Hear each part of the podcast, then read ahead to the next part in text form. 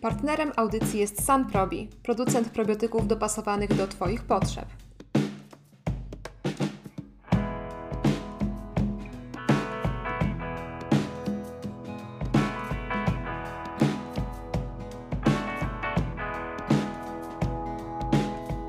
Rozmawiamy e, z Markiem Szymańskim, który z wykształcenia jest dziennikarzem, a każdemu dietetykowi w Polsce, każdemu, jestem przekonany, kojarzy się z, jako redaktor naczelny e, i twórca czasopisma Food Expert, a poprzednio e, tak samo redaktor naczelny Food Forum. Czy możesz, Marku, naszym słuchaczom przedstawić się jeszcze trochę i może jeszcze powiedzieć, jak wygląda Twoja niedietetyczna działalność?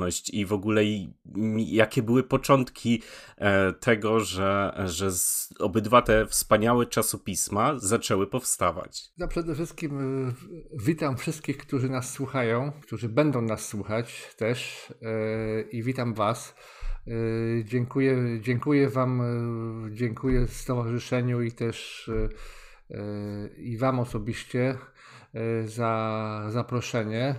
No, parę zdań o mnie. No, ja jestem, z, z, tak jak już powiedziałeś, z wykształcenia e, jestem dziennikarzem i też z pasji. Zajmuję się tym zawodem od, e, no, od 91 roku, czyli można powiedzieć, że Nestor, tak poważnie można by powiedzieć.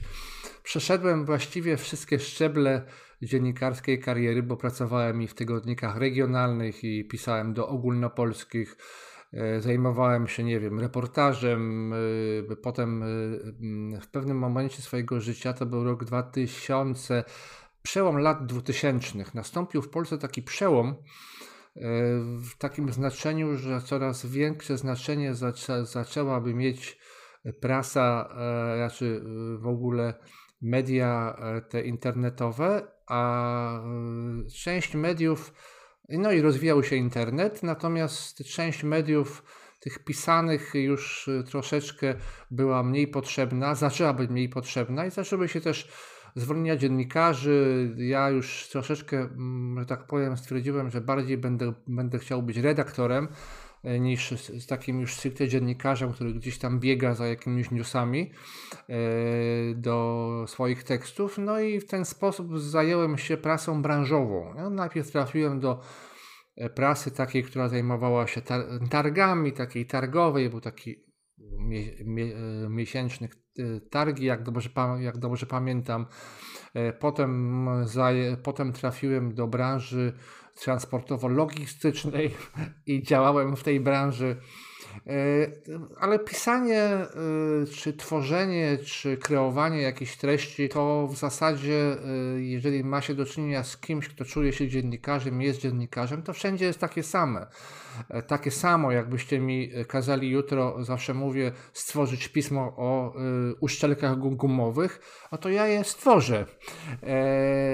Ważne, żeby stworzyć je rzetelnie, czyli wejść w tematykę uszczelek, poznać całą branżę, poznać ludzi i tak też zaczęło się z Food Forum. Ja po drodze jeszcze wydawałem pismo Fundusze Europejskie, to było, że tak powiem, moje dziecko. I był taki moment, kiedy to był tam, to był dwumiesięcznik, dosyć dobrze nam się wiodło, ale przyszedł moment takiego przełomu, kiedy skończyła się jedna perspektywa finansowa, a nie zaczęła druga. I ja zastanawiałem się, no dobra, no to ja, co ja w tym czasie będę robił? Konferencje nie mają żadnego sensu, wydawanie magazynu y, też średni. E, reklamodawców nie było, no bo co mieli reklamować, jak nie było, e, jak nie było pieniędzy do podziału. W związku z powyższym e, stwierdziłem, no dobrze, no co, co, co mógłbym robić? No i pewnym momencie moja żona, która interesuje się dietetyką, poszła na jakieś, na jakieś studia podyplomowe dietetyczne. To był rok 2012. Czyli to można powiedzieć, że to takie początki też, można powiedzieć, takiej dietetyki sprawiedliwego zdarzenia w Polsce. Ona wcześniej oczywiście już istniała, ale taki, taki boom to właśnie był wtedy. No i jak zacząłem tak drążyć, a co właściwie w tej dietetyce wychodzi, czy są jakieś y, magazyny branżowe, czy coś, Okazało się, że wtedy była tylko taka, taki, taki magazyn popularno-naukowy, a właściwie, nie wiem, no, tak, mi się że to można tak zakwalifikować.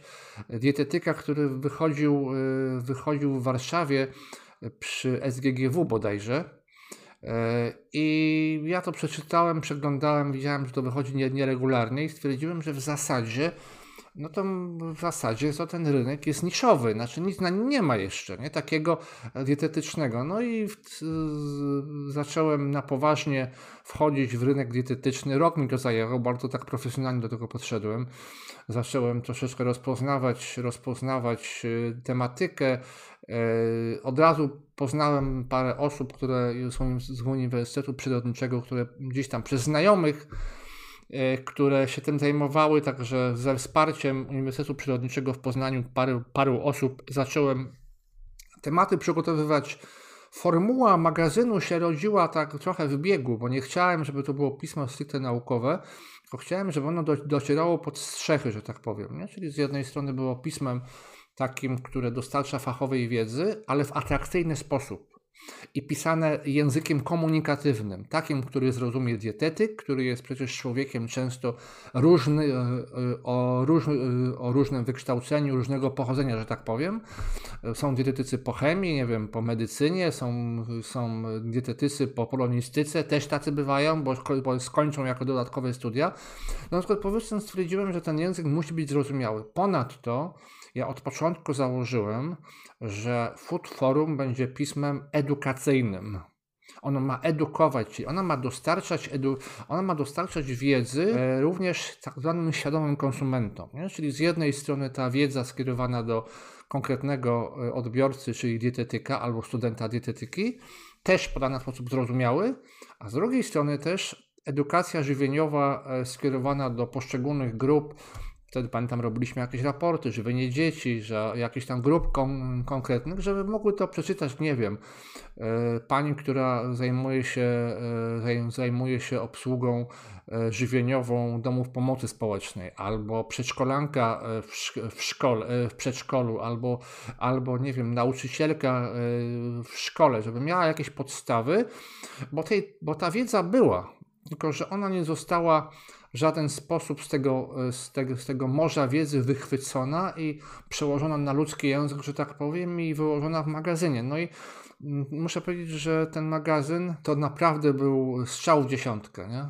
Ja w ogóle go, słuchajcie, wyobrażacie sobie sytuację, że dzisiaj, żeby cokolwiek, nawet dobry produkt zaistniał, e, zaistniał w świadomości e, czytelników czy konsumentów, no to musimy go bardzo mocno promować. Ja to widzę, bo to się zmieniło. W 2013 roku, kiedy magazyn ruszył, to w zasadzie ja nie miałem żadnej promocji. Jedyną promocją to było to, że po prostu ja, e, ja e, wydałem pierwszy numer, umieściłem go w Empiku, założyliśmy stronę internetową i wieść po prostu, wieść gminna niosła, że takie pismo się ukazało i ono bez żadnej promocji zaczęło bardzo mocno e, wzrastać, że tak powiem, w czytelnictwie, były coraz większe nakłady, więc to był, to był spektakularny sukces, tak mogę powiedzieć. Nie?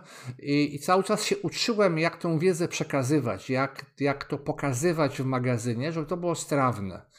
E, I to zresztą y, magazyn miał również nie wiem, czy pamiętacie, jak wyglądały te pierwsze, pierwsze e, okładki i wnętrze. Ono było staranne, no było troszeczkę inne niż taki typowy magazyn gdzie jest zdjęcie na okładce i e, resztę szukaj w środku. Nie, myśmy, nasza okładka była po pierwsze offsetowa, czyli taka trochę eko, co już przyciągało troszeczkę uwagę. Ona była bardzo starannie przygotowywana tam, e, ona się różniła od innych okładek, po prostu chciałem się wyróżniać, nie? również tak stylistycznie, nie? co zresztą doceniali i czytelnicy i też, co tu nie ukrywać, reklamodawcy, tą staranność, oni też widzieli, więc na pewno mogę powiedzieć, że potem zaczęło się szybko konferencje, no był to na pewno spektakularny sukces wtedy. No właśnie, ja miałem e, o to zapytać, jak, jak, jak, e, jak się to rozłożyło, że faktycznie Food Forum było takim e, sukcesem. Miałem styczność, z, pamiętam pierwszy raz Food, Food Forum w Empiku i od razu przyciągnęła mnie ta jakość wydania, która była niesamowita i pamiętam, że zacząłem od razu prenumerować. Do dziś mam jeszcze te starsze magazyny, a część nowszych pamiętam, że rozdawali w, w stowarzyszeniu, żeby się inspirować w ogóle przy tym, jak tworzyliśmy nasz portal, także naprawdę tam jakość pisania tego popularno-naukowego była mm, mm, język, przystępność, to było fajne, to się łatwo czytało i tak jak pan mówi, to było dostępne dla każdego takiego przeciętnego, yy, przeciętnego zjadacza chleba, który jest trochę bardziej zainteresowany, który też gdzieś uczy, który lubi e, poszerzać swoją wiedzę, także naprawdę to wyglądało fajnie. Niech pan jeszcze nam troszkę opowie, co się stało dookoła. Marek, Przepraszam. Na imię, ma, na imię ma Marek. Dla, dla naszych słuchaczy, my dopiero przeszliśmy na ty e, przed odcinkiem i po prostu ciężko mi się przyzwyczaić, więc Marku, przepraszam. Okay. Tak jak, jak, co, jak to wszystko dookoła z Food Forum wyglądało, że to się tak rozrosło? pojawiły się konferencje, pojawiły się, pojawili się partnerzy. W którym roku to, jak szybko od wydania to tak się rozrosło i, i co, o czym jeszcze nie wiemy, co się w kuluarach Food Forum działo? To była redakcja? To było wszystko prowadzone online? Jak to wyglądało? Nie, nie, to od początku była normalna redakcja. Ja już redakcję miałem wcześniej, bo ja prowadziłem E, pisma Fundusze Europejskie i robiłem wiele różnych usług wydawniczych. E, w związku z powyższym redakcja już była w sensie miejsca, ale też częściowo w sensie ludzi. E, bo jak chodzi o Food Forum, to musiałem kogoś tam jeszcze dokoptować, jeżeli, jeżeli chodzi o, o, o pozyskiwanie partnerów i w ogóle o promocję pisma, ale tak naprawdę E, wiadomo, no, partnerzy, ci, którzy e, chcieliby tam jakoś komercyjnie być w magazynie, to oni się dopiero uczyli tego magazynu w tym sensie, że musieli go poznać, jak to każdy partner. Natomiast czytelnicy, mówiąc kolokwialnie, łyknęli to od razu. To, to naprawdę był spektakularny sukces, bo ja jak wydałem pierwszy numer, to on już był starannie przygotowany, bo, bo ja nie ruszyłem z marszu. Ja się i tak bardzo spieszyłem, bo uważam, że każda minuta była cenna, bo miałem takie wrażenie, że mam za plecami za chwilę konkurencję i ktoś wcześniej czy później wpadnie na pomysł takiej, tak, takiego magazynu, bo on wydawał się, cytując klasyków, oczywistą oczywistością. E, I po prostu e, ja jeździłem na konferencje jeszcze zanim nie było magazynu. Ja e, zdaje się, że najpierw po, po, powołaliśmy stronę internetową, żebym ja mógł na coś się powoływać. Skąd ja właściwie jestem? O co mi chodzi?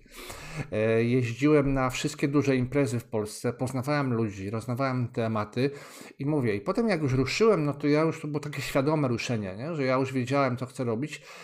Cały czas forma się zmieniała troszeczkę magazynu w takim sensie, jak, jak to przedstawiać, żeby to było atrakcyjnie, żeby ciekawe, ciekawe rzeczy naukowe na przykład przedstawiać w jakiś e, sposób e, przystępny. To była ciężka praca, głównie, nie ukrywam, powiem nieskromnie, głównie moja, no bo ja byłem tym autorem i na mnie spadała odpowiedzialność. Za tym wszystkim się kryła po pierwsze bardzo ciężka praca, nie? E, nieprzespane noce, stres związany z tym, czy uda nam się utrzymać, czy partnerzy będą chcieli finansować z mojej perspektywy dzisiaj już samo postawienie, postawienie na, czy, na, na czytelnictwo pozwoliłoby się magazynowi utrzymywać. Nie? Te, to nakłady wtedy rosły bardzo szybko, co wydanie to mieliśmy nie wiem, no nie chcę w tej chwili skłamać, ale tysiąc albo więcej, więcej czytelników, e, to, to, to naprawdę była duża sprawa. E, potem też pojawili reklamodawcy, więc potem pojawiły się konferencje, które poniekąd zaczęliśmy robić z marszu. No i to tak potem to już była, e, jak już wydałem ten pierwsze wydanie, potem, na, potem drugie, to, to było, potem się zaczęło dziać wszystko bardzo, bardzo szybko. Nie? Bardzo, bardzo szybko, pochłaniać coraz więcej czasu, coraz więcej energii yy, i troszeczkę mnie zjadał ten sukces, że tak powiem. Nie? Ja chciałem też dopytać, bo ja pamiętam właśnie te pierwsze też numery z tego tytułu, że studiowałem właśnie na Uniwersytecie Przyrodniczym w Poznaniu i pamiętam właśnie jak na jednym ze spotkań koła naukowego dowiedziałem się, że takie czasopismo w ogóle istnieje i to jeszcze nie wiem, czy to dobre określenie, że pod patronatem, czy we współpracy może bardziej. Tak było, tak, tak było. Właśnie profesora Jeszki, tak. czy, czy, czy doktora Krzysztofa Durkalca-Michalskiego. To prawda. E, dokładnie. I, I, pamiętam też pierwszą konferencję, na której uczestniczyłem, e, naukowej właśnie, która powstała dzięki Food Forum. E, nie wiem, czy to był na początku miesięcznik, czy kwartalnik. Może, może Marku przypomnieć? To był. Eee, wiesz co? Eee, to był kwartalnik chyba za moich czasów, to był zawsze kwartalnik. Ja potem chciałem przejść na dwumiesięcznik, ale to już byłby prawdziwy przeskok, bo musiałem się zabezpieczyć tekstowo i pod każdym innym względem. To był kwartalnik, ale on był, nie wiem czy pamiętacie, bo to była, to była taka księga, nie? To nie była cienka książeczka. Także ja w zamian, że to był kwartalnik, dawałem ludziom nierzadko prawie 200 stron yy, rzetelnej wiedzy, nie? konkretu. I w sumie to pytanie nie padło bez przyczyny, bo właśnie chciałem zapytać o to, jak, y, jak mm, może na początku rzeczywiście y, nie było łatwo, rzeczywiście musiałeś y, no, poznać tą branżę, poznać tych ludzi, którzy chcieliby przekazywać tą wiedzę i edukować to społeczeństwo ale właśnie jeżeli chodzi o dobór tych osób, które pisały do tego czasopisma, jak to było na początku, czy przez to, że ten, to czasopismo, ten magazyn tak się rozwijał, czy później było coraz łatwiej, czy to wy musieliście poszukiwać, czy raczej już osoby zgłaszały się do was? Jak to wyglądało? Przede wszystkim ja jestem, już byłem wcześniej długo dziennikarzem i redaktorem, więc więc y, mm, szukanie autorów nie sprawiało mi specjalnych trudności. Co innego oczywiście, czy oni spełniali nasze wymogi i czy się zgadzali na pisanie, nie? ale poszukiwanie właściwych y, autorów to nie był dla mnie problem.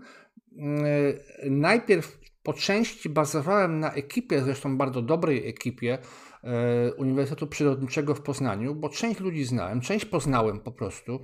E, Anię Malinowską, e, właśnie świętej pamięci profesora Jeszkę, e, Krzysztofa Durkalca. Byliśmy w zasadzie przyjaciółmi, nie? bo ja z nimi sobie pewne rzeczy ustalałem. No, z panem profesorem to może nie, ale z Krzysztofem czy z Anią byliśmy przyjaciółmi. Nie? Jesteśmy dalej. No, oni po prostu trochę mnie też prowadzili, doradzali. Słuchaj, dobra, to masz fajny pomysł, ale nie? I, I, ta ekipa była dużo większa. Pani profesor Agata Chmurzyńska, która teraz się nami opiekuje, wtedy też była z nami zaprzyjaźniona. Ta, ta ekipa była większa. Ona się, ona się roz, rozszerzała, także od tej ekipy z Uniwersytetu Przyrodniczego ja, ja, ja rozpocząłem. Nie? E, I ja pamiętam, co było dla mnie naprawdę najlepszą recenzją mojej pracy. Nie? bo w takiej pracy jak moja nie chodzi tylko o, o pieniądze. Nawet bym powiedział, że one przychodzą najpóźniej. E, tylko chodzi o to, że takie poczucie, że robię coś takiego, e, co mnie kosztuje dużo wysiłku, i ktoś chce tego, mm, ktoś to docenia, ktoś to e, czyta, ktoś, po to, ktoś na to czeka. I pamiętam, że spotkałem kiedyś na, na pływalni profesora Jeszkę, to było mniej więcej rok przed jego śmiercią, kiedy ja już y, nie miałem, pewnie do tego wrócimy, już, już, już, już nie pracowałem w Food, Food Forum, bo sprzedałem ten, ten tytuł i profesor mówi do mnie, no panie Marku, szkoda, że pan to zrobił, bo, bo robił pan naprawdę y, fajne pismo. I naprawdę mi się zrobiło szalenie miło, że, że jestem użyteczny, że zrobiłem coś pożytecznego, bo bo to jest dla mnie bardzo ważne poczucie, nie? Żeby, żeby mieć takie, mieć takie e, poczucie, że oprócz tego, że chcę na tym zarabiać, co jest normalne, bo musimy się utrzymywać, to robię rzecz, która jest po prostu fajna, pożyteczna, komuś służy. Nie? A już jak usłyszałem to od profesora, z, który nie musiał mi kadzić, że tak powiem. On nie miał żadnego w tym interesu, on już był y, zupełnie w innym, że tak powiem, świecie, y, w sensie naukowym i nie musiał, ale doceniał to. Doceniał tą naszą pracę popularno-naukową, doceniał że i uważał, że warto to, to robić, a ja od początku, słuchajcie, założyłem sobie, bo to jest bardzo ważne założenie że będę podawał treści czasami trudne w sposób w miarę łatwy, ale zawsze, ale to zawsze pod tekstem musi znajdować się literatura. Nie było inaczej, nie? Nie było inaczej. To było moje założenie i myślę sobie, że to było coś, co było bardzo dobrym rozwiązaniem, bo niektórzy e, uważają, że jak się robi pismo branżowe, no to nie musi być w niej literatury, bo to trochę, bo bardziej należy iść w kierunku takiego lifestyle'u. E, natomiast ja cały czas byłem przekonany, że lifestyle, ok, czasami on jest potrzebny, żeby, nie wiem, porozmawiać z jakąś osobą e, na temat jej diety, znaną osobą, I tak też się potem działo, taki był dział Moja Dieta, ale, e, ale podstawą było to, że zawsze, ale to zawsze była literatura pod tekstem. I to niesłychanie mi pomogło, podniosło moją wiarygodność. Bo wiem, że czytali mnie wszyscy, nie? I nikt nie, nie mówił, że coś jest bzdurą i nie było żadnego hejtu, bo po prostu zawsze mogłem się obronić, że e, dobra, mogą być rzeczy kontrowersyjne i należy je poruszać, natomiast nie, nie, my nie, nie, nie błądzimy gdzieś zupełnie w obłokach. Powstały już jakieś badania, one, się, one w jaki sposób mogą się bronić. Dobra, możemy powiedzieć, że w jakichś dziedzinach tych, tych badań było mało. Okej, okay, ale opieramy się na czymś. Nie? Jest, jest, yy, yy, zawsze opieramy się na tym, że, że była literatura i to była zupełnie, absolutnie podstawowa rzecz. Yy, pamiętam, że kolejny wydawca, e, mimo moich ostrzeżeń, odszedł na chwilę od literatury i wiem, że spotkał się wtedy z dużym hejtem. E, z dużym hejtem, e, ale to nie, ja nie mam zamiaru mówić niczego złego na nowego wydawcę, tylko chciałem powiedzieć, że to wtedy pokazało, jak bardzo się liczy to, że mamy do czynienia z takim medium, które po prostu stara się być rzetelne. Nie? Zresztą Footforum uważam do dzisiaj jest rzetelną, rzetelnym magazynem, troszkę innym niż ja go wydawałem. W inną stronę on poszedł, ale, y, ale no podstawą jest, że musimy za każdym razem opierać się na tym, że nasz tekst y, miał swoje źródła w literaturze. Czyli literatura, bibliografia e, robiły tutaj dużo e, jakby takiej wiarygodności. My też na to stawiamy, także ja się tutaj w 100% zgadzam. Ten lifestyle bardzo dobrze się sprzedaje, ale miło słyszeć, że, e, że czytelnicy Food Forum docenili, doceniali ten, e, ten aspekt, także super. To może podpytajmy, jeśli możemy oczywiście, jaka była przyczyna, jakie były sytuacje związane z e, odejściem e, Twoim z Food Forum i czy ma, ma, to związek z nowym czasopismem, z Food Expert, czy to, czy to jakieś ja, ja, mam nadzieję, że to będzie coś takiego i to będzie piękna historia o tym, jak miałeś e, z, założenie spełnienia jakiejś cudownej wizji i nowej potrzeby na rynku i przez to powstał ten nowy magazyn. Czy może mam rację gdzieś w tym kierunku, czy nie do końca? E, pamiętam, że kiedy, kiedy sprzedałem Food, Food Forum, to e, i on znalazł nowego, e, nowego wydawcę, to wiele osób znajomych, czy też partnerów takich nawet, którzy się u mnie reklamowali, mówili, panie Marku, czemu pan sprzedał tak, taką dobrą gazetę? Nie? E, poniekąd osoby y, nieżyczliwe, bo i, takie by, bo i takie były, mówiły, że no, gazeta jest na skraju upadku, co było dla mnie śmieszne i dlatego gazeta jest nad przepaścią i dlatego pozbywa się gazety człowiek. Nie? Prawda była banalna. Prawda była banalna i ktoś, kto prowadził swoją własną działalność, swoją własną firmę, y, na pewno się z tym to zrozumiał bo to była, bo to, bo taka też, bo tak się też zdarza, że ja po prostu byłem, słuchajcie, wymęczony totalną eksploatacją przez 3 lata prowadzenia e, nowego magazynu. Nie? Byłem totalnie wymęczony, wyeksploatowany, yy, bo robiliśmy konferencje, wszystko trafiało tak, że miałem ekipę. A tak czy owak, wszystko się kończyło na moim biurku. Decyzje o, o tym, kto ma być na konferencji, tematyka. E, z drugiej strony była też normalna działalność spółki, którą prowadziłem, więc rzeczy formalne, mimo że miałem księgowość, trafiały do mnie. E, nowy numer magazynu, przygotowywanie magazynu zawsze sprawiało mi olbrzymią przyjemność. Ja na to miałem coraz mniej czasu. bo coraz więcej czasu pochłaniały mi rzeczy związane po prostu z prowadzeniem biznesu pod tytułem wydawnictwo. E, zatrudnianie nowych ludzi, jakieś, e, pewnie wiecie już na podstawie swoich własnych doświadczeń, że no, praca e, w zespole bywa pracą trudną, prawda? No, bywa pracą trudną, czasami bardzo stresującą i to ja przez 3 lata tak żyłem, nie? I to mnie z jednej strony bardzo kręciło, tak mówiąc kolokwialnie, z drugiej strony po prostu stwierdziłem, że ja siedzę do późna w nocy i cały czas wszystko i tak wraca do mnie, mimo że ja nie chcę. Wszystko, wszystkie sprawy, wszystkie decyzje wracają, wracają do mnie Łącznie z tym, że jak na konferencjach robiliśmy dobrej jakości konferencje, e, wynajmowaliśmy salę, a na, a na, a na korytarzu tej sali e, go, go, gospodarz nie wyrzucał śmieci w trakcie konferencji, nawet nie naszych śmieci, e, to pretensje po konferencji spadały na kogo? Na mnie. A dlaczego były śmieci na korytarzu? Konferencja mogła być super udana, natomiast więc siłą rzeczy, nauczonym doświadczeniem, ja musiałem również patrzeć na to, co się dzieje do, dookoła. Nie? Oczywiście, ja, ja nie pracowałem sam i nie mam takiej potrzeby, żeby wszystko muszę zrobić ja sam, ale siłą rzeczy, prowadząc, prowadząc biznes, to i tak wszystko wraca do, te, do, do, tego, że tak powiem, y, no do właściciela. Nie? I coraz mniej miałem czasu na to, co bardzo lubiłem, czyli na przygotowywanie magazynu, na tematykę, na wszystko, a coraz więcej czasu zajęło mi sprawy, żeby, żeby utrzymać gazetę w sensie finansowym, bo trzeba było zarobić na cały zespół, na, na wszystko do, dookoła trzeba było zajmować się sprawami spółki, a jeszcze pomyśleć o kolejnych konferencjach, a jeszcze pomyśleć o tym, a jeszcze pomyśleć o tym, a i o tym, i o tym.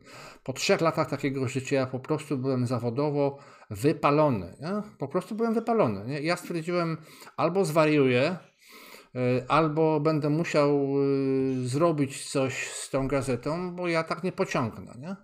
No i skończyło się na tym, że stwierdziłem, że chyba chcę odpocząć i z, spróbuję znaleźć nowego wydawcę. Oczywiście taki się szybko znalazł e, w tej niby to zrujnowanej gazecie, jak to gdzieś przeczytałem. Szybko się znalazł nabywca, bo ona, gazeta miała dobre wyniki pod każdym względem. Ja tam e, przez jakiś czas i chyba numer, w sumie tam jeszcze prowadziłem dla nowego wydawcy, ale ja lubię być takim, ja lubię pracować e, tak jako ten, który ma duży wpływ na magazyn. E, taki, że decyduje, ponieważ byłem jego twórcą, to chciałem mieć wpływ. Nowy wydawca ma troszeczkę inne, ja tego nie mówię negatywnie, on ma troszeczkę inne struktury, tam się trochę inaczej działa, tam ta odpowiedzialność jest, jest rozłożona i składa się na wiele działów i nie za bardzo się już w tych okolicznościach przyrody czułem. Nie? W związku z powyższym yy, to przejście było dosyć takie, to przeniesienie było dosyć łagodne, w tym sensie, że to nie odbyło się na jakichś tam konfliktach czy czymś takim. Nie, wszystko się odbyło spokojnie. Przekazałem tytuł, przekazałem im całą wiedzę. Yy, miałem zresztą bardzo przyjazne stosunki z wydawnictwem tym nowym, tym nowym przez dłuższy czas. Jak mieli jeszcze jakieś pytania, to ja chętnie im pomagałem. Natomiast potem musiałem zrobić sobie przerwę, bo ja mówię, wydawałem jeszcze pisma Fundusze Europejskie, wróciłem do gazety Fundusze Europejskie, ale minęło kilka lat i stwierdziłem, no tak, Food Forum troszeczkę zmieniło charakter, e, charakter e, mówię o tym Food Forum, które już było pod nową egidą.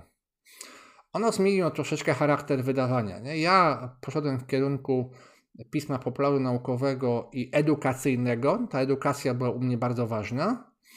E, natomiast nowy wydawca, e, to co teraz e, prezentuje na rynku, wybrał taką, taki trend bardzo tak w mojej ocenie specjalistyczny, czyli jest skierowany typowo tak na, do twardego rynku dietetycznego, że tak powiem, czyli dostarcza często takiej hermetycznej dosyć wiedzy dla fachowców, oraz próbuje wejść w środowisko le lekarskie. No i to jest takie jego, takie jego, takie jego założenia. I stwierdziłem, że cały czas czułem sentyment do tego rynku dietetycznego. To po czterech latach e, nieobecności stwierdziłem, mm, kurczę, no brakuje mi taki, takiego magazynu, nie? który będzie magazynem, który e, będzie z jednej strony dla specjalistów i pokazywał jakieś trendy, nowe rzeczy, a z drugiej też będzie na przykład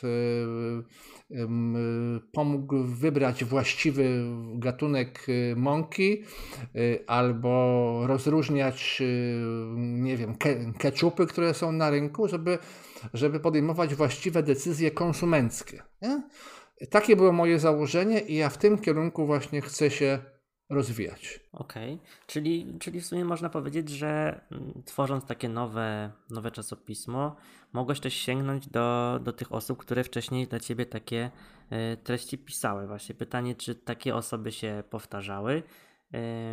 No i właśnie pytanie, mówiłeś też o tych mm, różnych wytycznych, e, że zawsze te, takiego twórcę mm, no po prostu musisz sprawdzić, e, czy on się do tego nadaje i, i pytanie właśnie na czym to polega i jak się to odbywa. Rzeczywiście parę, kilka osób jest takich, które ja już znałem i z tego osobiście skorzystałem. No już nawet mniejsza o nazwiska, bo w każdym razie gdzieś tam jak, jak, jak już wróciłem, to, e, to, to oczywiście ludzie mnie znali w branży, bo wtedy wszyscy znali Food, food Forum, więc było na pewno mi łatwiej. Ale w międzyczasie świat się zmienił, bo ja świat się zmienił totalnie, dlatego że w 2013 listopadzie ruszyłem z magazynem moim, moim Food Forum, a wróciłem do niego e, w roku 2019, czyli 5 lat później de facto wróciłem, nie? E, od momentu, kiedy e, założyłem Food Forum, nie? I to, ten czas to był rok 2019, Listopad to było jeszcze tuż przed pandemią, więc ten czas nie był zbyt szczególny dla mnie, e, bo założyliśmy magazyn, pojawił się w Empikach, no i następnie nastąpił w lutym czy w marcu nastąpił lockdown ogólnokrajowy. No i potem to tak e, było tak, że najpierw coś otwierano, potem zamykano, więc to dla magazynu nie był dobry, dobry czas. I ja się wycofałem z Empików. Troszkę byłem w rozkroku właściwie, czy mam tą, ten magazyn prowadzić, czy nie prowadzić, czy jak, to, jaki, jak ten świat będzie wyglądał. E, poza tym, abstrahując od lockdownu, on i tak przyspieszył procesy, które już trwały, czyli takie totalne przejście do świata wirtualnego. No?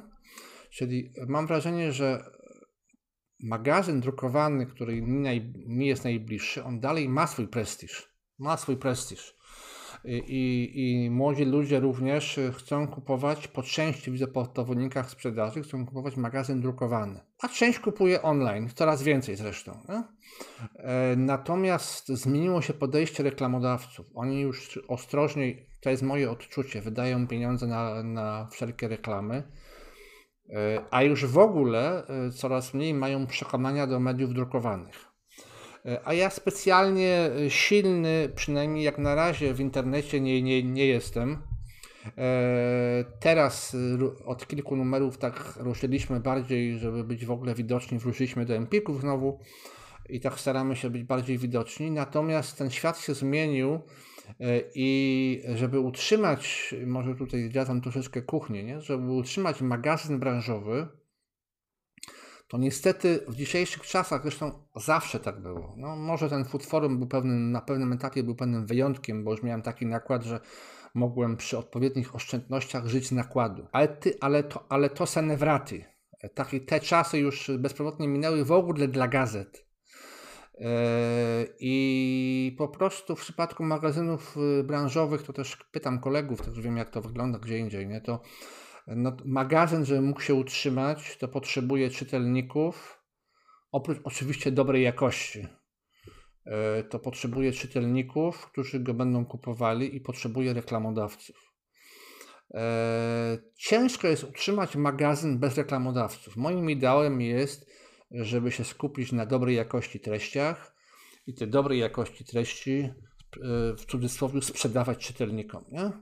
I żeby to mi gwarantowało e, e, po prostu możliwość utrzymania. Nie? Natomiast to nie jest takie proste. Żeby się utrzymać na rynku wydawniczym, to trzeba mieć partnerów i reklamodawców. Nie? Więc to jest w tej chwili no, walka, tak to trzeba nazwać, nie? Że, że to po prostu rynek się zmienia. My oczywiście szukamy dla siebie no, nowych formuł. Ja bym chciał na przykład Notabene rozmawiamy na podcaście. Ja bym chciał rozwinąć też podcasty, bo mam wiele, wielu ciekawych rozmówców, którzy nie mają czasu, żeby napisać tekst mm, na przykład, albo mają czas, żeby napisać tekst, ale chętnie wypowiedzieliby się na podcaście. E, ludzi, nie tylko stricte dietetyków, ale, ale ludzi, którzy zajmują się zdrowym stylem życia, E, różnych ekspertów e, związanych z medycyną stylu życia, różnych, różne ciekawe osoby, które, które można podsumować, że w jakiś sposób starają się nas motywować do tego, żebyśmy żyli zdrowiej. E, niedawno na przykład rozmawiałem, ten wywiad się ukaże chyba w najbliższym wydaniu, tak mi się wydaje, że zdążę, z, z, Magdą Komstą. To jest taka, to nie jest dietetyczka, tylko psychoterapeutka, która jednak w dużym stopniu zajmuje się sprawami snu i wpływu jego na e, naszą kondycję psychofizyczną oraz na tycie.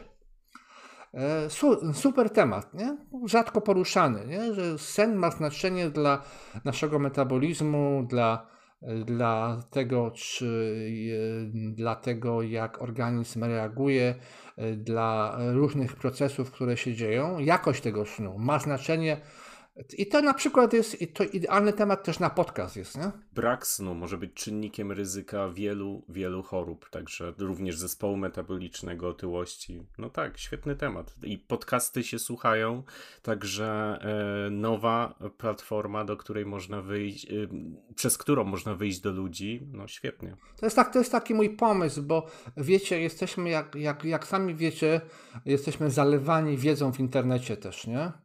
E, I to jest, te, to jest też z jednej strony szansa, a z drugiej pułapka. Dlaczego pułapka? Bo przecież teraz wszyscy są w internecie, prawda? I zrobić, e, nie wiem, e, zrobić, zrobić webinar na jakiś temat, załóżmy, że w pewnym momencie chcielibyśmy na tym zarabiać, bo na czymś trzeba zarabiać i chcielibyśmy dostarczać wartościowych treści za jakieś pieniądze, to konkurencja w, w, w internecie jest ogromna. Więc to nie są takie proste rzeczy, że o, zrobimy to, bo to jest teraz modne i, i to jest ok. Nie? Ja y, szansę upatruję w podcastach, bo podcast jest taką formą, która która e, wydaje mi się, że dobrze w niej się będę czuł, ponieważ jestem dziennikarzem i nie mam problemu ani z rozmówcami, ani z dotarciem do nich, ani e, nie mam tutaj problemów, żeby, żeby, żeby rozmawiać. A podcast, wydaje mi się, pewnie to potwierdzicie albo nie, fajnie buduje społeczność. Tak mi się wydaje. I dociera. I dociera, tak, i dociera. I jest bezpłatny, bo chcę robić to w formule bezpłatnej i fajnie, to jest fajna, fajny, fajny sposób budowania wokół, wokół tytułu y, społeczności, dzielenia się wiedzą, yy, też rozszerzania pewnych tematów również o podcasty, nie? bo tekst jest jakiś w cudzysłowie płaski. Ktoś przeczyta, zapozna się i fajnie. Natomiast podcast daje też szansę y, tym, którzy nie mają okazji przeczytać, nie wiem, chcą to posłuchać w drodze do pracy y, albo chcą rozszerzyć swoją wiedzę, dlatego że podcast y, umożliwia, żebyśmy poszli dalej niż poszliśmy w tekście, nie? Nie jest to jeszcze rozmowa w cztery oczy, ale, ale rzeczywiście jest więcej bodźców i wydaje się być to bardziej no, takie tworzące rzeczywiście jakąś społeczność. Inna forma konsumpcji. E, cudownie jest usiąść sobie z książką i ją poczytać, czy z magazynem i go poczytać, ale cudownie jest iść na spacer z psem i w uchu mieć rozmowę. Tak. E, taki jest znak czasu, nie? I to do mnie dociera, to jest dla mnie oczywiste. I to w ogóle jest niesamowite i fantastyczne, nie? Że mamy teraz takie możliwości. E, pamiętam jeszcze inne czasy, i że teraz każdy z nas może być twórcą. To jest nieprawdopodobne. Nie? To, to, że wy teraz możecie ze mną rozmawiać, a ja z wami i tworzymy, mam nadzieję, jakąś wartość, to jest fantastyczne, prawda? I robimy to praktycznie za darmo. Prawda? Robimy to praktycznie za darmo, tak. jesteśmy tak. oddaleni od siebie o bardzo duże odległości tak. i, i, nie ma z tym problemu. I nie ma z tym problemu. Jest to tylko koszt mikrofonu, można powiedzieć, a i, a i to można byłoby jakoś, bo moglibyśmy od biedy nawet nagrać to na komórce i też by było dobrze. Może gorzej trochę, ale treść by, by, by trafiła, więc jest to taka tania forma dotarcia do dużej grupy osób i dania im wartościowej wiedzy. Właśnie, tylko to też zależy od tej wartościowej wiedzy. I może ja bym tutaj zapytał o to, jak w ogóle dociera Pan do mm, osób, szczególnie mnie tutaj interesuje dietetyków, z taką wiedzą, która Pana satysfakcjonuje. Bo tak jak się domyślam, to e, dietetyk bardzo wyspecjalizowany może nie zawsze być dla Pana dobrym materiałem czy dobrym twórcą materiału, mm, a z drugiej strony dietetyk, który jest bardzo lifestyle'owy, też może nie produkować mm, powiedzmy czegoś o wiedzy merytorycznej na zadowalającym poziomie. I Chciałbym tutaj podpytać, jak wygląda praca z dietetykami? Czy jest łatwa, czy jest trudna, czy jest łatwo ich znaleźć? E, czy ma pan z tym problem na dzień dzisiejszy? Czy zgłasza się aż tylu dietetyków, że naprawdę trzeba wybierać i może jakoś trudno to zweryfikować? Jak to wygląda w dniu dzisiejszym na rynku? Już po pierwsze, już nie walczę z tym panem. Musi minąć chwilę. Ja, okay. nie, mi się zakodowało, przepraszam. To jest, nie przepraszaj, to jest jakieś... nie przepraszaj, ja to, ja, to, ja to rozumiem. E, natomiast e, już nic nie mówię. Natomiast pozwól, pozwólcie, że będę wam mówił po, po imieniu, bo tak jest Oczywiście. uważam fajnie. E, ale wracając do samego, do samego pytania. Znaczy, praca nad, nad tekstem to jest zawsze ciężka orka. Zawsze. To znaczy, są, jest na szczęście cała grupa autorów, E, którzy już udzielają się, e, gdzie wiem, sami piszą artykuły również do innych magazynów, nie tylko takich jak mój, tylko w ogóle piszą, nie? albo często występują na konferencjach. Oni nie mają problemu ze, sformułow- ze sformułowaniem zdania, nie? z komunikacją. Nie? Natomiast y, każdy tekst jest, jest, jest do pewnego stopnia orką, w tym znaczeniu, że ja nie przepuszczę żadnego tekstu, y, gdzie byłoby którego bym dokładnie e, nie przejrzał. Nie? Mam nadzieję, że Przemek może to potwierdzić. Mhm. e, tak, tak. E, bo... Ale też ja tam gdzieś. To jest tak, że każdy, kto weźmie ten tekst, zależnie od specjalizacji, trochę coś innego by zmienił. Także to też może być pułapka dawać tekst zbyt dużej ilości osób do sprawdzenia, bądź no, no ja bym tutaj, ja, ja, sam czytając teksty, które przechodzą przez y, y, pana redakcję, mam tak, o, ja bym to napisał inaczej, także to jest... Tak, nie, nie, bo to się wszystkim nie dogodzi. Proces wygląda tak. Moje zadanie polega na tym, po pierwsze, żeby tekst był komunikatywny. E, drugie zadanie jest takie, że na, że na, że na tyle znam te e, zagadnienia dietetyczne, że wiem, jak to się mówi, w którym dzwoni kościele. W związku z powyższym, że jak coś mam i coś jest niezrozumiałe, albo, albo wydaje mi się podejrzane, że ktoś mógł się pomylić, albo napisał jakąś głupotę przez pomyłkę, albo, albo nie przez pomyłkę, no to ja jestem na to, że na to jestem wyczulony, już zaczynam być e, czujny, jak e, nie wiem, e, i uważniej to przeglądać. Proces weryfikacji nie wygląda tak, bo że ja te teksty potem wysyłam do innych i proszę o zdanie, bo to by strasznie wydłużyło proces przygotowania magazynu to się odbywa tak, że tak, muszę mieć zaufanie do tego piszącego i współpracuję z tymi, których w jakiś tam sposób mogę zweryfikować. To po pierwsze. Po, dru po drugie, każdą niejasność, y, która sam najpierw weryfikuję, y, gdzieś tam w źródłach naukowych, a następnie, jeżeli mam dalej wątpliwość, to weryfikuję ją z autorem. E, na końcu jest, myślę, że tutaj też nie zdradza jakiejś tajemnicy, jest profesor Chmurzyńska, która ponieważ e, z, z Uniwersytetu Przyrodniczego w Poznaniu, profesor Agata Chmurzyńska, e, która, której wysyłam materiały, tak nie dlatego, że ona sobie tego życzy czy żąda, tylko dlatego, że uważam, że to jest fachowiec, ona też wie, jak, jak powinno się przekazywać informacje e, i ona po prostu te teksty jeszcze rzuca na nie okiem, przegląda, czy tam się nie, za, nie zakradła jakaś, jakaś głupota po prostu, nie? E, I to jest taki proces, i on się sprawdza, ten, ten, ten, ten, ten proces, nie? że sam autor dba o treść, potem jeszcze moja weryfikacja jest, ewentualnie pytanie do autora, i na końcu jeszcze jest e, opiekun, można powiedzieć, merytoryczny pisma, czy nasz dobry duch, e, autorka naszych wstępniaków, pani profesor Agata Chmurzyńska z Uniwersytetu Przyrodniczego, która to wszystko weryfikuje. Tak to, tak to wygląda i yy, autorzy yy, w zasadzie ja współpracuję z takimi, których już mam zweryfikowanych, bo przecież zweryfikowanych może to źle brzmi, jak jakbym był jakąś agenturą, która sprawdza autorów, czy są ok.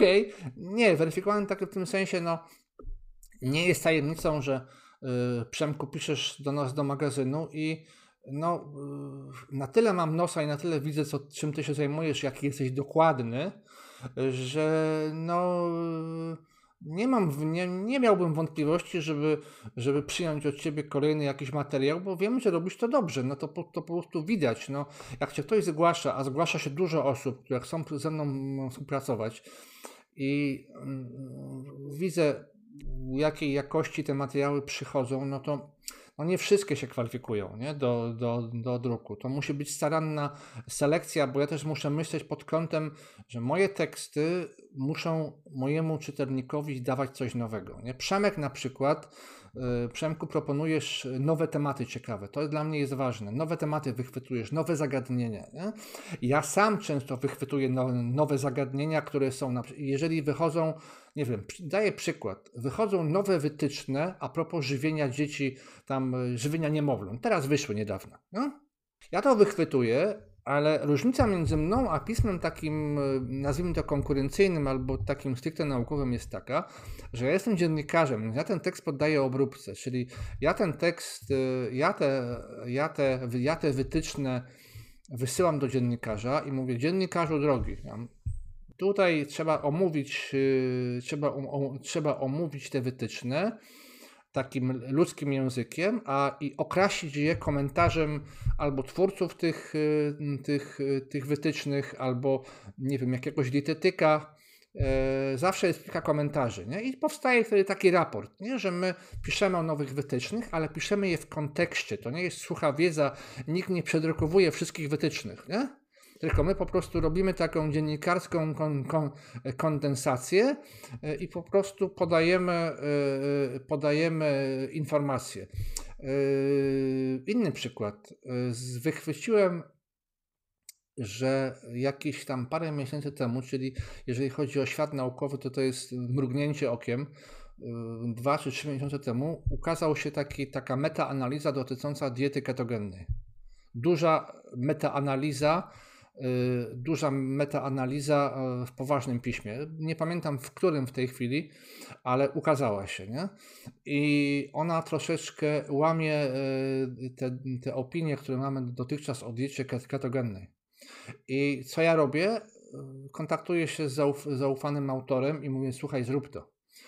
Przeanalizuj, opisz, Y, opisz y, to, co tam jest w tym tekście. Ja być może dla odmiany poproszę jeszcze kogoś, kto jest, y, ma odmienne zdanie, który będzie bronił tej diety ketogennej i opublikujemy to w gazecie. Tym się różni od innych, że mam takiego, nazwijmy to nosa dziennikarskiego, że ja chcę wychwytywać rzeczy, które, o których y, wszyscy mówimy. Nie? A pewnie wiecie, że dieta keto, jak już o niej mówimy, to jest najczęstsze hasło żywieniowe, które pokazuje się w wyszukiwarkach internetowych. Nie? I też takie, które wzbudzi najwięcej e, haseł spornych i kłótni. Tak. Także, tak. tak jest. Temat idealny dla dziennikarza. Dieta keto. Budzi dużo emocji, warto o tym rozmawiać. Nie warto iść w jedną tylko stronę krytyki. Ja tak uważam. Nie lubię w, troszeczkę wkładać kij w mrowisko, nie? Żeby tak, żeby wywoływać dyskusję, nie? Bo ja pamiętam jeszcze czasy, wy pewnie też je pamiętacie, kiedy na uczelniach, na kierunkach dietetycznych straszono nas jajkami. Nie daj Bóg dwa, więcej niż dwa jajka tygodniowo, nie? To w ogóle cholesterol w górę i w ogóle samo zło no, życie zweryfikowało te, te prawdy. No, nie, nie jest tak. Kompletnie zweryfikowało tą, tą prawdę, ten tak zwany zły cholesterol. On nie pochodzi z tego jajka w głównej mierze. Nie? Także, yy, także nie chcę tu wchodzić, bo wiem, że Przemek ma na ten temat bardzo precyzyjną wiedzę, więc nie, nie chciałbym z Tobą polem, polemizować. Natomiast yy, chodzi mi o pewne mity, nie? albo stan wiedzy. On się zmienia. Żyliśmy tym, że te dwa jajka nam, e, że już są naszym wrogiem, mogą, za, mo, mogą zagrozić naszemu zdrowiu. Dziś to się zmieniło. Nie? Takie rzeczy staramy się wychwytywać, żeby nie, żeby nie iść cały czas tylko w, ra, w ramach tej takiej oficjalnego nurtu, który zmienia swoje zdanie bardzo wolno, tylko starać się wyszukiwać nowinki, trendy żywieniowe i je weryfikować. Nie? Okej, okay. wszyscy krytykują dietę keto, czy w razie ja słyszę krytykę, to ja bym chciał posłuchać e, argumenty za jej obroną, ale takie poważne argumenty naukowe. Nie? A nie wchodzić w chór krytyków diety keto. Nie, bo nie. Nie, bo nie. Tak. Y, to, to jest twórcze. Kiedy wywołujemy dyskusję, ja już nie chcę Wam mówić o, o tym, jak próbowałem zręcznie albo niezręcznie wprowadzać temat y, mleka na, na konferencjach, nie? żeby próbować trochę burzę. Nie było konferencji, na której ja bym nie był albo której bym nie organizował, prawie nie było konferencji, gdzie nie byłoby kłótni na, na, na temat mleka. Nie? nie było takiej konferencji. Ciekawe. Temat mleka do dzisiaj budzi bardzo duże emocje, bo jest dużo sprzecznych badań dotyczących zresztą e, alergiczności mleka czy wpływu na nowotwory. Notabene sprzedaję już Wam dzisiaj taki tekst, który będzie w najbliższym numerze dotyczący badań e, nowotwory a mleko, nie? A, spoży a spożycie mleka, nie? Co nie znaczy, że ja w czambu chcę, po, chcę skrytykować picie mleka, nie? ale uważam, że y, to nie jest temat zero-jedynkowy, dobre albo niedobre. Że, Myślę, że jak, jak większość. Jak większość, tak, ale są takie tematy, które szczególnie pol polaryzują opinię, prawda? Są takie tematy. Yy, są takie tematy i mleko do nich należy. Nie? I myślę, że dieta keto właśnie jest też takim tematem, który strasznie polaryzuje yy, ludzi, bo tak, oficjalne stanowiska różnych yy, osób, które zajmują się żywieniem jest raczej kry, kry, krytyczne, a potem słucham często tych samych osób albo, nie wiem, ludzi, którzy zajmują się dietą keto od lat, to oni mówią, to nie jest do końca tak. Nie? E, że dieta keto jest samym złem. Ona oczywiście wiadomo, że jest przez naukę uznana, że w tych e, chorobach degeneracyjnych ona się sprawdza, natomiast, e, natomiast nie tylko w nich. Nie? Innym modnym tematem i, i trendem jest, są te wszystkie diety postne, prawda? Też Przemek też o tym pisałeś szalenie modny temat, diety postne, nie? te wszystkie czasowe, nie? Te, z tym oknem czasowym. Nie? Szalenie modny temat, y, też bardzo polaryzujący mocno stanowiska. Nie? I każdy ma swoje argumenty. Jedna strona ma swoje argumenty, ale druga strona ma też swoje argumenty. Nie? I y, myślę, że ja po to istnieję, żeby pisać o tym, co naprawdę ludzi interesuje, a nie, a nie wygłaszać jakieś oficjalne stanowiska, które są zgodne z. Oczywiście jest u nas pewien, pewien kanon, ale no, pismo musi żyć tym, czym żyją ludzie. Jeżeli ludzie żyją dietą keto, to będziemy o niej pisać. Jeżeli ludzie żyją dietami postnymi i nie przejmują się negatywnymi opiniami, okej, okay, to będziemy o tym pisać. Nie? I tak, i tak. Okej, okay, to ja, ja może podpytam, bo tu właśnie rozmawiamy o różnych tematach, y, takich też y, bardziej popularnych. Pytanie właśnie, czy jakby takim, taką drogą do sukcesu czasopisma, magazynu, yy, ważniejszy jest temat, sam temat, czy, czy to, kto go napisał, czy kto, kto w tym czasopiśmie pisze te teksty, bo wiemy, że tak jak wspominałeś, że pamiętam zresztą jak ja rekrutowałem się na studia dietetyczne, że to był taki kierunek bardzo, bardzo mocno popularny w tamtych czasach i nadal jest i to widać też jak wielu absolwentów każdego roku opuszcza mury różnych uczelni w Polsce I, I właśnie pytanie, czy. Bo też wiemy właśnie, że ten rynek się dietetyczny rozwija, że, że mm, może nie powstaje, ale że jest sporo takich twórców bardzo znanych w Polsce, y, którzy mają właśnie czasem kontrowersyjne stanowiska, czasem nie, ale po prostu są znani w tej branży y, i nie tylko w tej branży. I pytanie, czy takie osoby mm, mogą dać więcej niż y, takie właśnie kontrowersyjne teksty czy ciekawe tematy? To jest bardzo dobre, tem- bardzo dobre pytanie, wiesz? Bo y, nie ma na to jednej tej takiej prostej odpowiedzi. Ja szukam takiej formuły, e, która jest taką, taką formułą właśnie, żeby się trochę przytulić do tych nowych czasów i, no, i, i też now, nowych nazwisk. Jak pewnie zauważyliście w magazynie, a pewnie zauważyliście, bo widzę, że jesteście, że mi tutaj dokładnie prze, prześwietliliście i zlustrowaliście, to ja zachęcam do współpracy zupełnie nowe osoby, które e, dosyć mocno funkcjonują e, na przykład na Instagramie. E, I to jest celowy zamysł. To znaczy, bo jest takie grono młodych dietetyków, którzy dostarczają wartościowe treści, docierają do dużej ilości osób, a być może chciałyby również pokazać się w prasie drukowanej. Nie? I najczęściej na moje pytania czy prośby one chcą publikować w prasie drukowanej. Nie? To im dodaje pewnie, to jest nowe doświadczenie, dodaje im pewnego, podejrzewam, jakiegoś splendoru, prestiżu. O te motywacje są bardzo różne, ale uważam, że e, bo jak też pewnie wiecie, w środowisku e, tym dietetycznym od lat mamy do czynienia z pewną pulą, że tak brzydko e, nazwę, tych samych e, nazwisk e, wykładowców i autorów, prawda? Dietetycznych celebrytów. Tak, dietetycznych celebrytów. Ja ich wszystkich oczywiście znam i w większości cenię. Natomiast ja chciałbym, żeby to były też nowe nazwiska i dlatego tutaj obecny Prze Przemek Mijal jest naszym nowym autorem. I dlatego, nie wiem, Ania Reguła, która prowadzi na Instagramie e, duży bardzo profil, niekoniecznie dietetycznie i fajne rzeczy robi też tam. E, czy Martyna, Martyna Żmuda Trzebiatowska, też z pokolenia młodych dietetyków, po prostu dają fajną taką, prowadzą fajną edukację żywieniową za pomocą bloga i za pomocą, za pomocą czy Asia Sołowińska, Żeniby Fit, E, że prowadzą fajną edukację żywieniową również w mediach społecznościowych i staram się takich autorów wychwytywać, którzy mają coś do powiedzenia i są popularni. Dlaczego? Bo troszkę chciałbym dzięki tym ludziom docierać też do, do tego najmłodszego pokolenia, które interesuje się żywieniem żeby oni też sięgnęli jako pogłębienie tej, tego, tego słuchania kanału na YouTube czy, e, czy, czy Instagrama, żeby sięgnęli również po, e, po magazyn. Taki był klucz. Nie? E, bo to nie chodzi o to, żeby mieć każdego autora. Nie, nie, nie, nie, nie. Albo na przykład, że jak będzie ktoś popularny, to to, mi, to, to spowoduje, nie wiem, jakiś sukces gazety. To, to, to tak nie działa. Bo ja mogę wziąć popularną osobę, która kompletnie popsuje mi markę.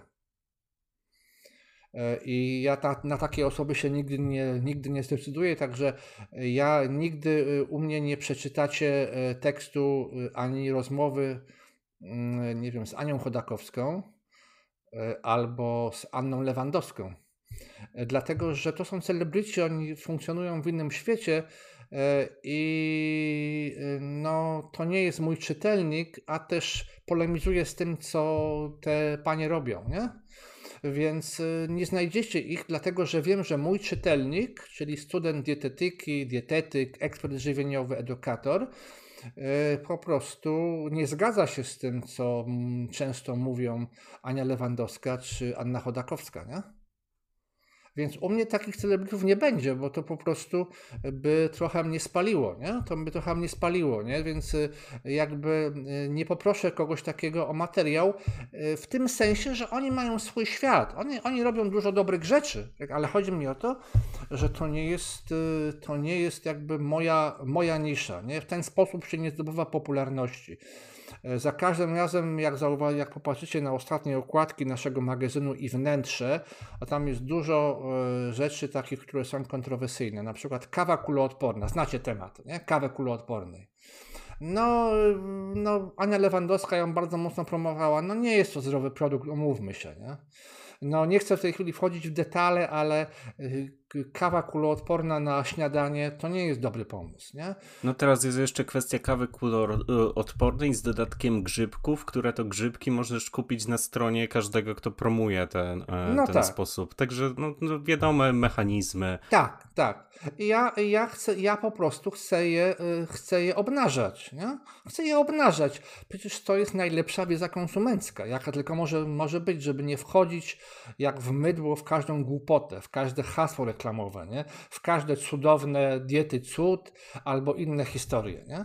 E, zresztą ta słynna dieta Adeli, nią też się zajmowaliśmy, nie? czyli ta dieta SIRT. Ona z założenia przecież jest, bo teraz wchodzimy już w szczegóły, ale pasjonuję się tym, co robię, więc dieta SIRT. Jak wiecie, dieta w swoich założeniach nie jest niezdrową dietą, prawda? W ogóle z, my, ja miałem na studiach cały dział o diecie wpływającej na sirtuiny i założenie jest fantastyczne, tylko że to coś jakby przeszło do um, jakby świata konsumentów poprzez dietę Adel, to jakiś no, po prostu twór, który trochę jest no, no tak, inny. Rozmija się w ogóle z, z, z, ideą, nazwijmy to, zdrowego stylu życia i odchudzania. On się, mi, on się mija z tym celem. To jest moje zdanie, bo ja nie jestem ekspertem. Ja e, ekspertów słucham.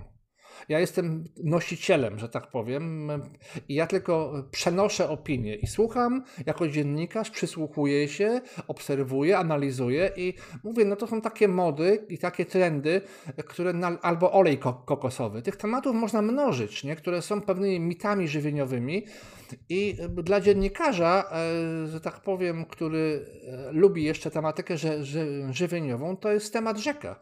O tych mitów, różnych głupot, albo niedorzeczności, albo czegoś, co budzi konflikty. Niekoniecznie to musi być głupota, ale co budzi konflikty, to jest mnóstwo. I o takich rzeczach, to jest moja trochę też misja, o takich rzeczach powinna pisać, ta, tak, po, powinna traktować, ta, powinien traktować taki magazyn jak mój.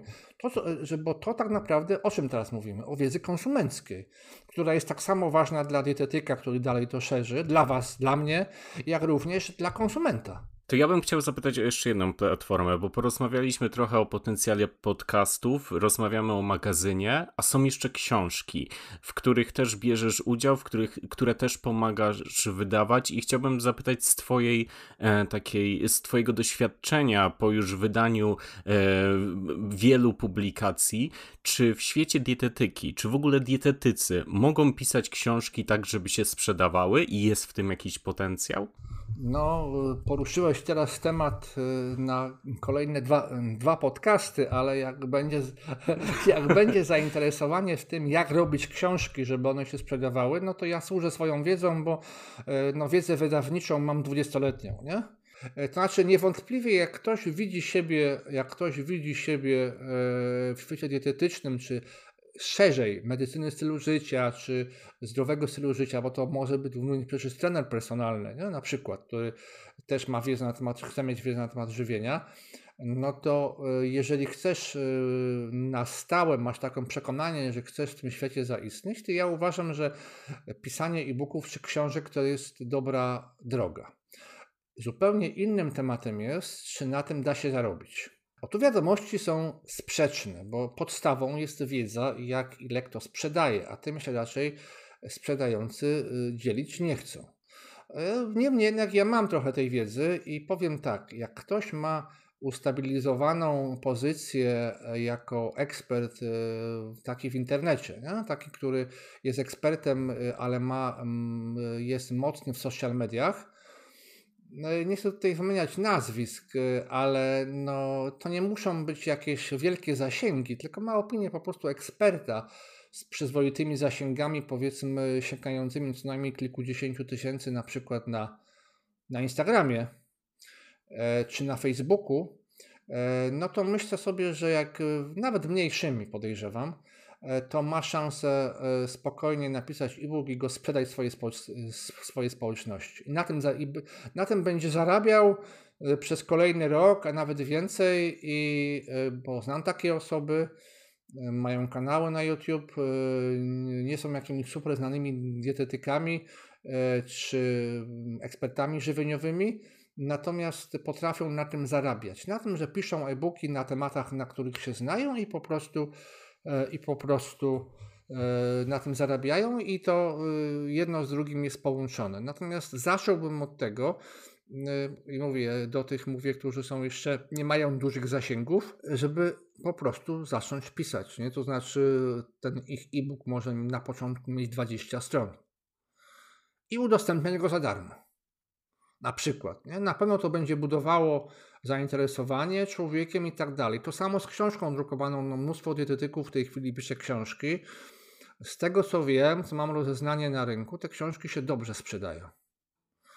E, natomiast rynek książki jest rynkiem trudnym. Na czym polega ta trudność? No, Yy, trudność polega nie na wydaniu, tylko na dystrybucji. Rynek dystrybucyjny książki jest w Polsce, no nazwijmy go tak wprost, dosyć bandycki. Na bandyckich warunkach on funkcjonuje, dlatego że hurtownie książek, które potem dystrybuują te e, książki do sieci księgarskich, czy też bezpośrednio sieci księgarskie, e, no to one, to rabaty dla nich e, funkcjonują w granicach 50-60% od ceny okładkowej.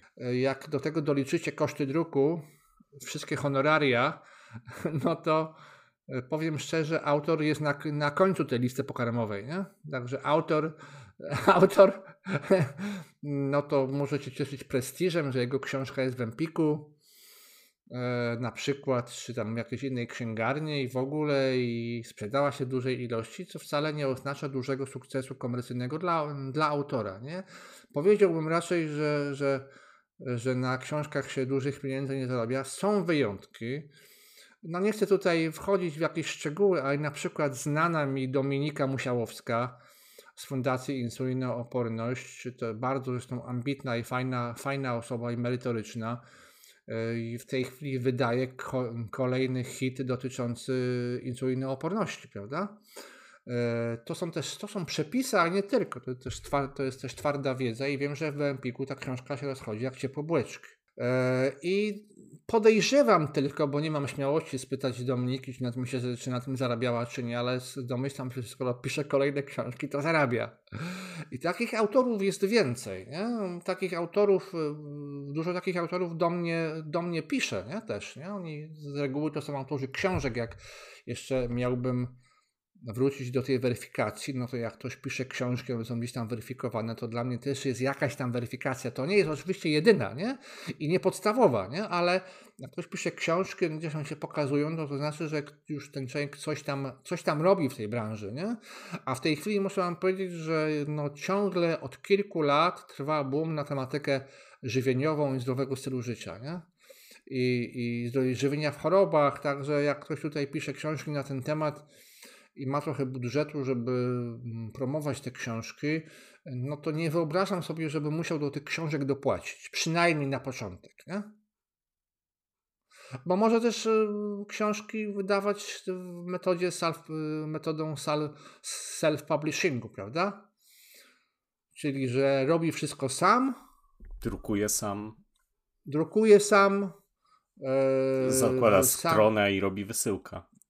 Wszystko robi sam, wszystko robi sam e, łącznie ze sprzedażą e, i liczy na to, że, e, że tą książkę wyda i część e, takich, e, część znanych dietetyków e, czy psychodietetyków, znam, ta, znam takie, takie osoby, skutecznie działa właśnie, że, że, że wydaje swoje rzeczy y, w self-publishingu. Nie mówię tutaj, nie tylko mówię o e-bookach, bo to już się stało codziennością, ale że potrafią również y, sprzedawać książki drukowane mhm. nie? skutecznie nie? w self-publishingu, ale e, no, self-publishing ma też swoje pułapki, nie? bo to tak się wydaje, zrobię sam, cały zysk będzie dla mnie. Nie? To nie takie proste, bo, e, bo self-publishing też wymaga wsparcia, też wymaga pomocy bo przecież ktoś musi tę książkę, uważam tak, zredagować, przejrzeć, e, podpowiedzieć coś, e, zastanowić się nad konstrukcją tej książki, żeby ona była komunikatywna.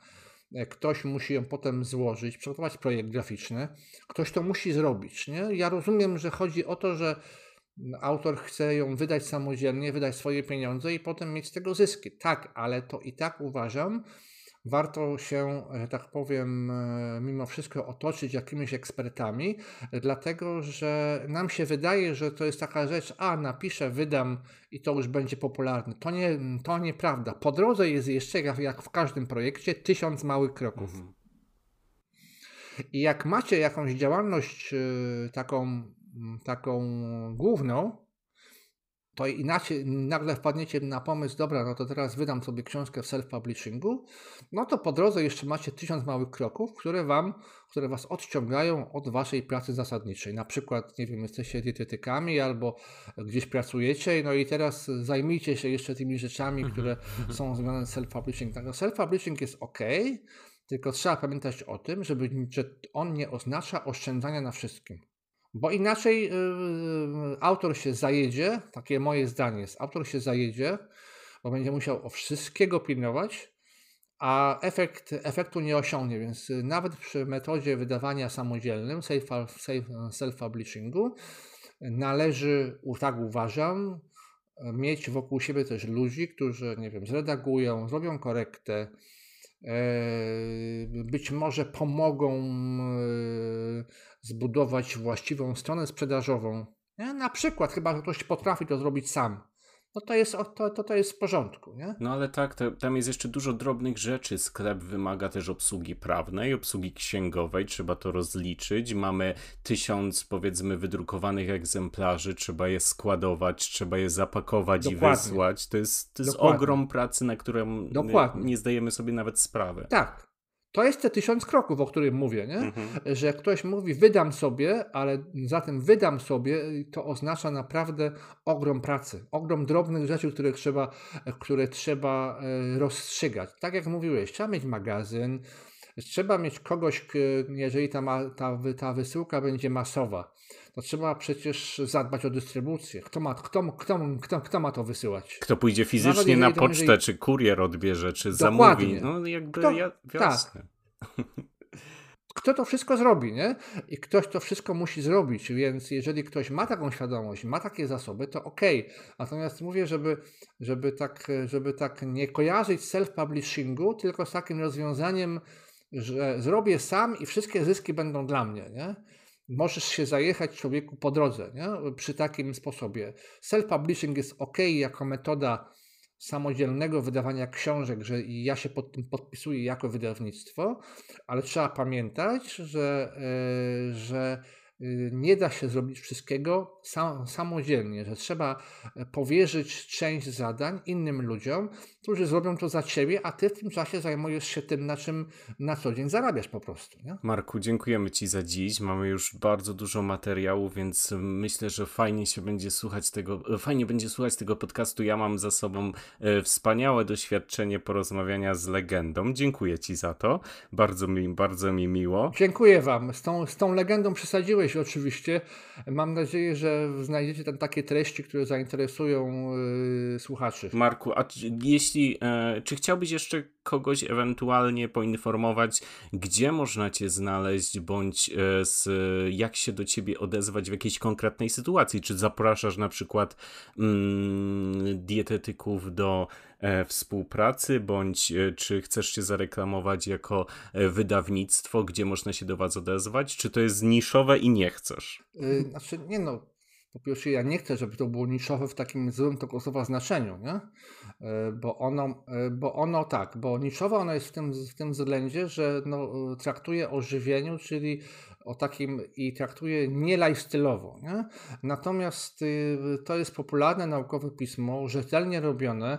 Ja, y, jak mm, dietetycy chcieliby do mnie się zgłaszać, no to jest na stronie adres podany do redakcji, do mnie y, i bez problemu można do mnie się dozwonić czy napisać, zaproponować jakiś temat. Ja otwarty jestem zawsze. To nie jest tak, że gdzieś tam ktoś ma fajny temat do zaproponowania e, albo e, no, jakiś temat zgłębił, chciałby się nim podzielić, to ja zapraszam do współpracy bez względu na jakiś dorobek. To, to po pierwsze, a też e, a przyszłym partnerom chciałbym powiedzieć, że pismo, e, że ciągle pismo drukowane budzi po prostu tak, taką estymę. Pewnie się też ze mną zgodzicie, nie? że mimo internetu druk, to coś, co się ma w ręku, budzi ciągle jeszcze taki szacunek, prawda? E, a ponieważ moimi czytelnikami w dużej części są również świadomi e, konsumenci oraz ci, którzy potem e, przenoszą te opinie o danym produkcie czy o danych trendach, czyli dietetycy, eksperci żywieniowi, no to myślę sobie, że, że również e, partnerzy mogą zupełnie bezpiecznie i z takim poczuciem, że są w dobrym miejscu u nas się pokazywać. A dzięki temu my będziemy mogli ten kaganek, nazwijmy to oświaty, zdrowotnej y, dalej gdzieś tam przenosić na nowe osoby i na, i na, i na nowe środowiska. Także po prostu zapraszam do czytania, zapraszam do proponowania fajnych tematów, zapraszam do współpracy.